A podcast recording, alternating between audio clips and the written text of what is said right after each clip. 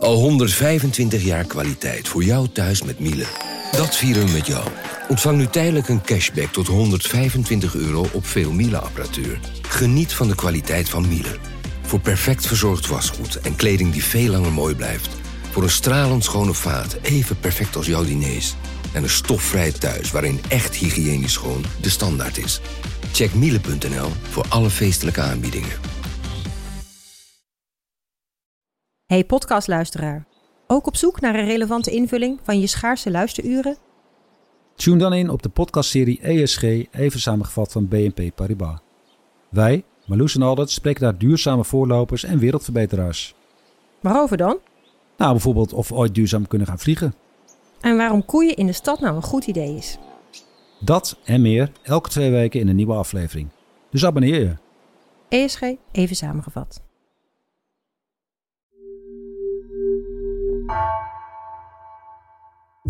Vanaf de redactie van NRC het verhaal van vandaag. Mijn naam is Egbert Kalsen.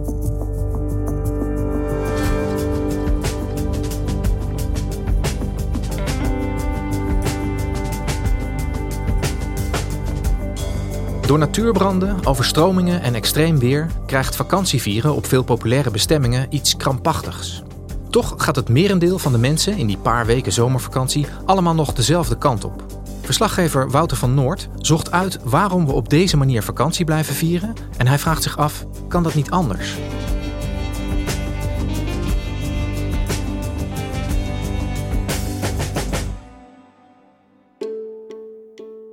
We zitten aan het einde van de zomer. Mensen komen terug van vakantiebestemmingen.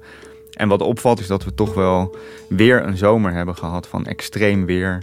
Hittegolven zijn van alle tijden. Maar hittegolven met zulke hoge temperaturen zijn dat niet. Op het hoogtepunt steeg het kwik in Zuid-Europa naar ruim 46 graden. Als je dacht dat je de extreme hitte ontvluchtte in het zuiden, dan kwam je storm Hans tegen in Scandinavië. Na dagen van extreme regen is een dam bij een elektriciteitscentrale doorgebroken door de grote overstromingen. We hadden deze zomer hagelstenen zo groot als golfballen aan het Gardameer. In Italië zijn gisteren ruim 100 gewonden gevallen door grote hagelstenen. En er was veel materiële schade. Er waren zulke grote ijsklonten die naar beneden vielen en ook alle auto's waren kapot en alle ruiten waren weg. Er zijn honderden mensen geëvacueerd in Slovenië na hele heftige stormen en modderverschuivingen. In Slovenië blijven de overstromingen na het noodweer voor grote problemen zorgen. Het ministerie van Buitenlandse Zaken heeft honderden Nederlanders geholpen de afgelopen dagen. Ruim 90 Nederlanders die geen vervoer meer hebben, die worden met bussen teruggehaald naar Nederland.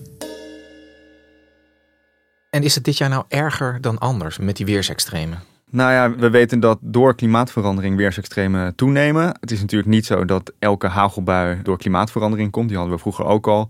Soms is er ook gewoon een lage drukgebiedje wat voorbij komt. Maar uh, zeker als je kijkt naar de extreme droogte, de hitte in Zuid-Europa. Dat zijn eigenlijk weersomstandigheden die niet hadden kunnen voorkomen zonder klimaatverandering. Zonder klimaatverandering waren deze omstandigheden gewoon statistisch bijna onmogelijk geweest.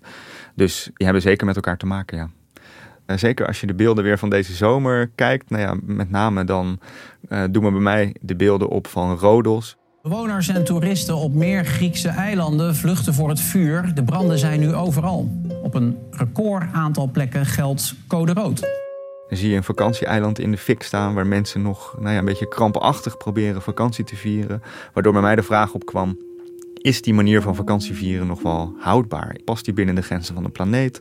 Moeten we niet misschien ook nadenken over andere manieren van op vakantie gaan?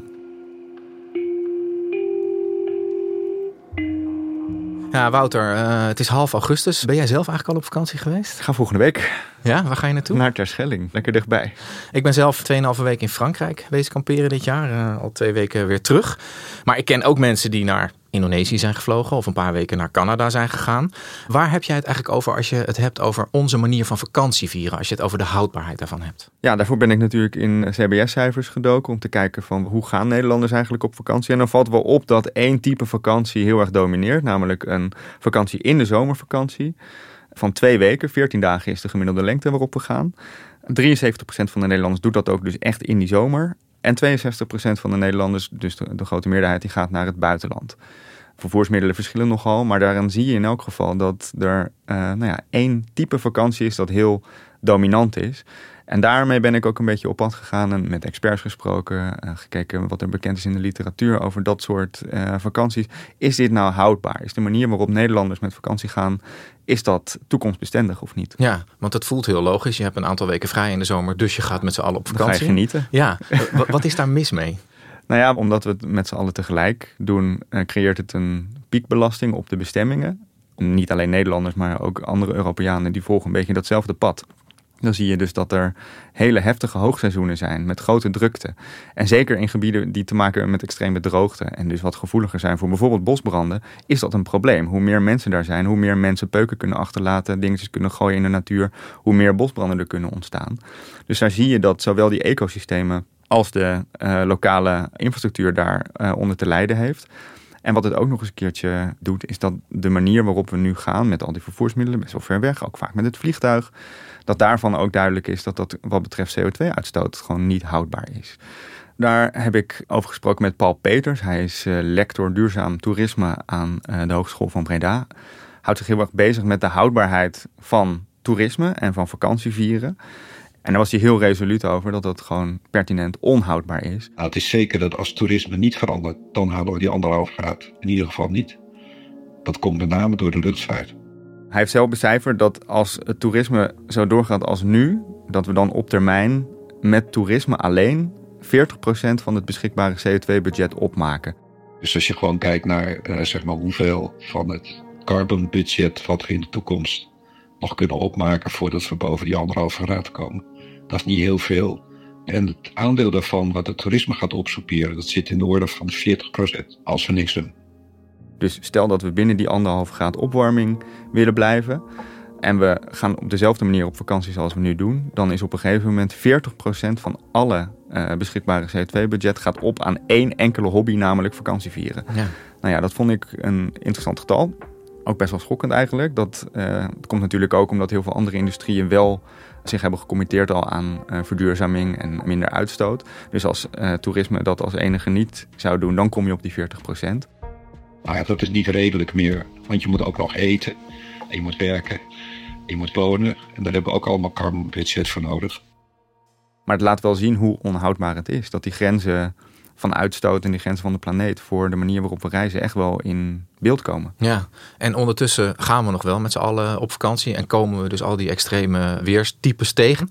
Wat doen mensen nou om zich zeg maar, tegen die extreme te wapenen? Worden er al naar oplossingen gezocht? Nou, je ziet dat de oplossingen eigenlijk uh, vooral symptoombestrijding zijn en het onderliggende probleem alleen maar erger maken. Voorbeeld, als het heel warm is in Italië of Spanje, zetten mensen de airco harder.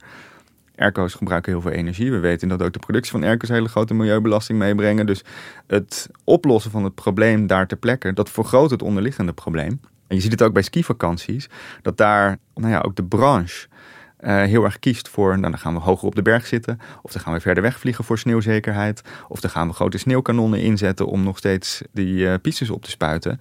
En al die dingen die veroorzaken uitstoot, veroorzaken ecosysteemschade, zorgen eigenlijk dat het probleem waardoor de sneeuwzekerheid minder wordt, eigenlijk alleen maar erger wordt.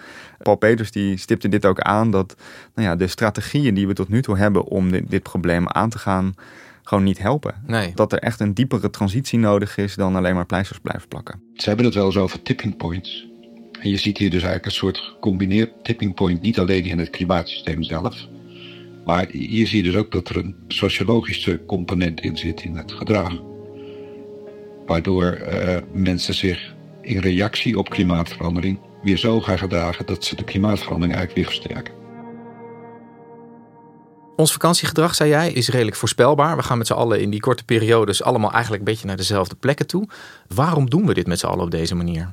Er is een heel complex aan prikkels, sociale normen, economische belangen, vakantieroosters die Nederlanders één bepaald vakantiepad uitduwen. En uh, nou, ik ben een beetje in de literatuur over complexiteit en transities gedoken. En daar is één term die dan heel erg opvalt padafhankelijkheid. Dat is uiteindelijk ook uh, nou ja, een hele belangrijke factor in hoe wij onze vakanties inrichten. Ja, padafhankelijkheid, dat moet je even uitleggen, denk ik. Ja, het mooiste voorbeeld vind ik het QWERTY-toetsenbord. Een toetsenbord met best wel een random lettercombinatie zou je zeggen. Het is ooit eind 19e eeuw bedacht als een manier om te voorkomen dat de hamers van een typemachine aan elkaar bleven plakken. Omdat als je uh, de letters alfabetisch op volgorde zet, dan zitten letters dicht bij elkaar die je vaak gebruikt. Dus dan blijven die hamertjes de hele tijd hangen. Op zich een prima oplossing voor een typemachine. Maar wat je ziet is dat na de typemachine er een hele industrie, computermakers, typecursusgevers, gewoontes ervoor hebben gezorgd dat dat typemachine toetsenbord tot op de smartphone nog steeds het dominante toetsenbord is. Terwijl het helemaal niet het meest efficiënte toetsenbord is voor op de smartphone. Uh, en dat laat zien dat er, nou ja, als er een heel netwerk ontstaat rondom één specifiek pad, nou ja, in dit geval dus het pad van het QWERTY-toetsenbord, dan is dat een heel plakkerig pad. Dan is het heel lastig om daar nog af te komen. Want nou ja, probeer maar eens een concurrerend toetsenbord nu te maken voor QWERTY. Dan moet dus alles aan worden gepast. En volgens mij helpt het om met die blik van die padafhankelijkheid ook te kijken naar vakanties. Omdat vakanties ook één bepaald ingesleten pad zijn.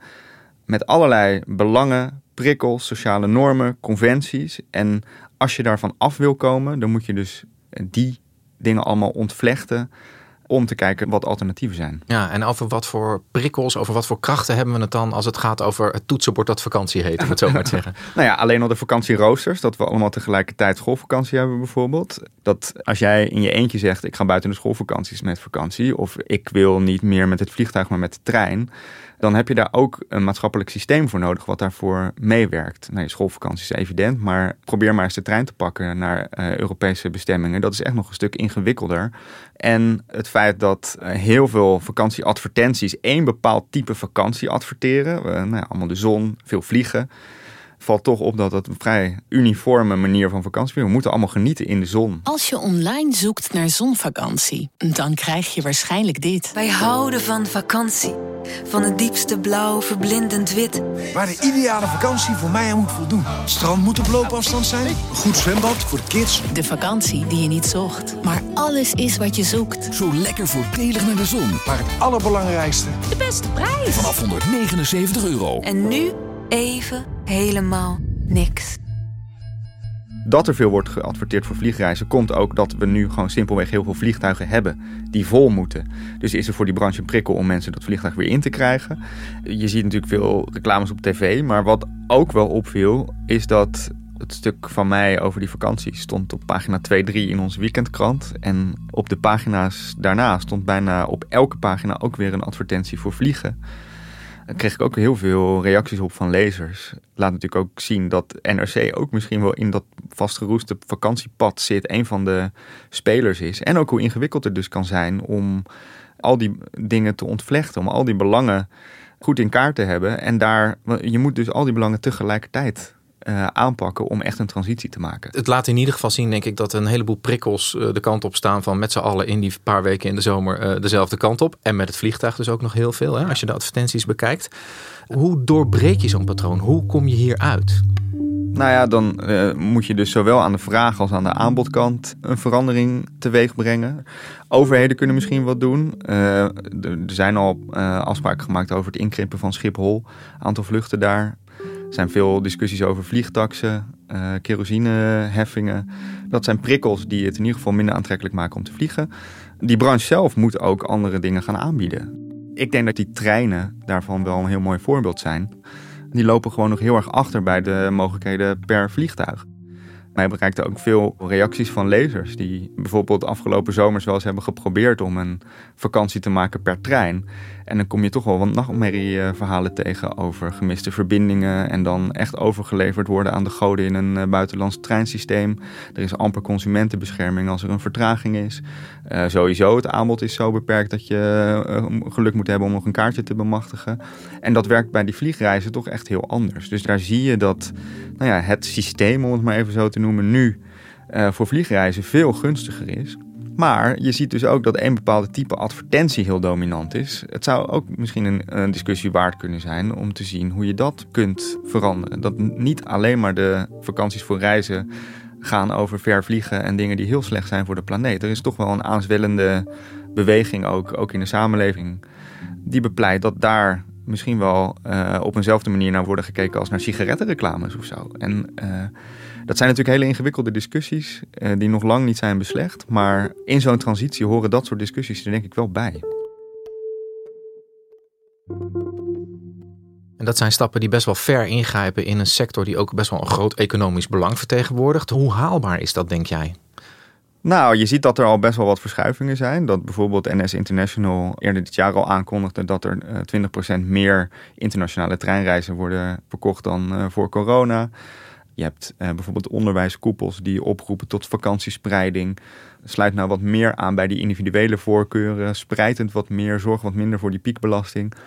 De, kandidaat voor het CDA die deze week is aangekondigd, Henry Bontebal, is een van die mensen die uh, zegt: Ik vlieg zelf niet meer. Je ziet dat dat gewoon meer aan het doordringen is, ook in de politieke discussie over aanpassingen in vlieggedrag. Dus ik denk dat je al wel tekenen ziet van die transitie. Ja, want dat vliegen, dat noem jij heel veel. Is dat inderdaad de grote boosdoener? En moeten we dus allemaal stoppen met vliegen? Ja, nou, de CO2-uitstoot van de luchtvaart is uh, gigantisch. Het is een van de grootste dingen die een individu kan doen aan zijn eigen voetafdruk. Tegelijkertijd, als je ook weer de onderzoeken van die Paul Peters erbij haalt. Hij komt met zijn berekeningen erop uit dat maar 16% van de vakanties aangepast hoeft te worden om binnen de uitstooteisen te blijven. En dat zit hem vooral in veel vliegers. Dus 16% van de vakanties, mensen die bijvoorbeeld 5, 6 keer per jaar naar Bali gaan, of als je die weet te overtuigen om echt anders vakantie te vieren, dan kom je al veel dichter in de buurt bij het behalen van die CO2-doelstellingen. En dat laat dus ook zien dat niet iedereen per se zijn vakantie aanpast. Niet iedereen is verantwoordelijk nu voor grensoverschrijdend gedrag in vakanties, om het maar even zo te noemen. Alleen, kijk, dat is aan de ene kant hoopvol. 16% zou je denken, nou is haalbaar als je die target, als je die mensen weet te overtuigen van echt andere manieren van vakantie vieren, uh, dan ben je al een heel eind. De aanpassing is alleen best wel groot. De mensen die nu zes keer per jaar naar Bali vliegen, moeten dan dus echt in een vakantiestraat thuis blijven of op fietsvakantie gaan. En dat is dus ook tegelijkertijd een grotere gedragsaanpassing dan op het eerste gezicht misschien lijkt. Je vraagt een groot offer, maar wel van een relatief kleine groep. Ja, dat is uiteindelijk waar het op neerkomt. Ja. En uh, ja, dat past ook bij die transities. Dat, dat sommige mensen uh, veel sterker hun gedrag zullen moeten aanpassen dan uh, de grote meerderheid. Ja. ja. Tegelijkertijd is er ook door al die prikkels die de afgelopen decennia die kant op hebben gestaan, een hele toerisme-industrie natuurlijk ontstaan. Hè? Griekenland, Italië, eigenlijk heel Zuid-Europa draait een groot deel van het jaar op toerisme. Ja. Dat heeft nogal een impact, denk ik, als dat allemaal gaat veranderen. Ook voor die mensen die daar wonen en hier van rondkomen, zeg maar. Van ja, zeker. Die effecten zijn natuurlijk ook onvoorspelbaar. Als je zo'n grote transitie inzet, weet je nooit precies wat daar gaat gebeuren. Tegelijkertijd viel mij op dat er ook best wel wat geluiden zijn, juist uit dat gebied zelf, van spreid het nou. Kom niet met z'n allen tegelijk. En zeker niet in die bloedhete zomer tegenwoordig. Kijk, of dat op macroniveau voor die landen ook nou ja, de redding gaat bieden, is maar zeer de vraag het is geen makkelijke transitie. En er zijn inderdaad mensen die meer moeten opofferen dan anderen. Het is denk ik wel, ja, dat is bij heel veel van die uh, transitievraagstukken, denk ik, uh, een belangrijk onderwerp is hoe verdeel je de pijn eerlijk? En uh, daar zijn we nog niet helemaal uit. Nee, want het is volgens mij ook een onderwerp, en dat weet jij beter dan ik, omdat je er wel eens over schrijft, waar heel veel reacties op komen, ook van mensen die zeggen van, bemoei je in godsnaam niet met mijn vakantie. Ik ja. doe wat ik zelf wil en bekijk het maar met je ja. klimaat, zeg ik even kort door de bocht. Ja, nou ja, er zijn uh, veel verschillende types reacties. Veel reacties waren ook van natuurlijk moeten wat veranderen en we zijn ook al bezig met veranderingen. Maar ook inderdaad, kom niet aan mijn vakantie, bemoeien met je eigen vakantie en bovendien kijk waar de Chinezen allemaal naartoe vliegen. Ja, dat zijn denk ik voor een deel ook wel valide punten. Tegelijkertijd denk ik dat individuele keuzes ook besmettelijk kunnen zijn. Dat als jij een uh, keuze maakt over niet meer vliegen, dat dan jouw omgeving ook verandert. En als je kijkt naar hoe landen op vakantie gaat, dat dat ook weer communiceert met andere landen. En we hebben met z'n allen wereldwijde afspraken gemaakt over uitstoot. Dus daar hebben we ook ons voor een deel gewoon aan te houden. Daar horen andere uh, manieren van vakantie vieren bij.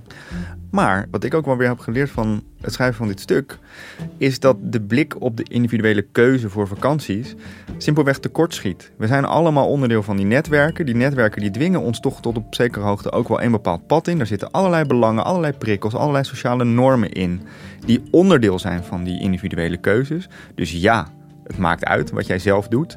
Maar ja, ook, we moeten kijken hoe we systemen gunstiger inrichten, zodat we vakanties kunnen vieren die wel binnen de grenzen van de planeet vallen.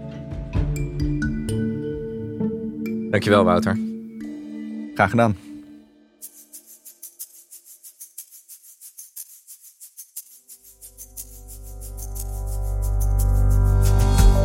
Je luisterde naar vandaag, een podcast van NRC. Eén verhaal, elke dag. Deze aflevering werd gemaakt door Anna Korterink en JP Geersing. Coördinatie Henk Ruigrok van der Werven. Dit was vandaag. Morgen weer.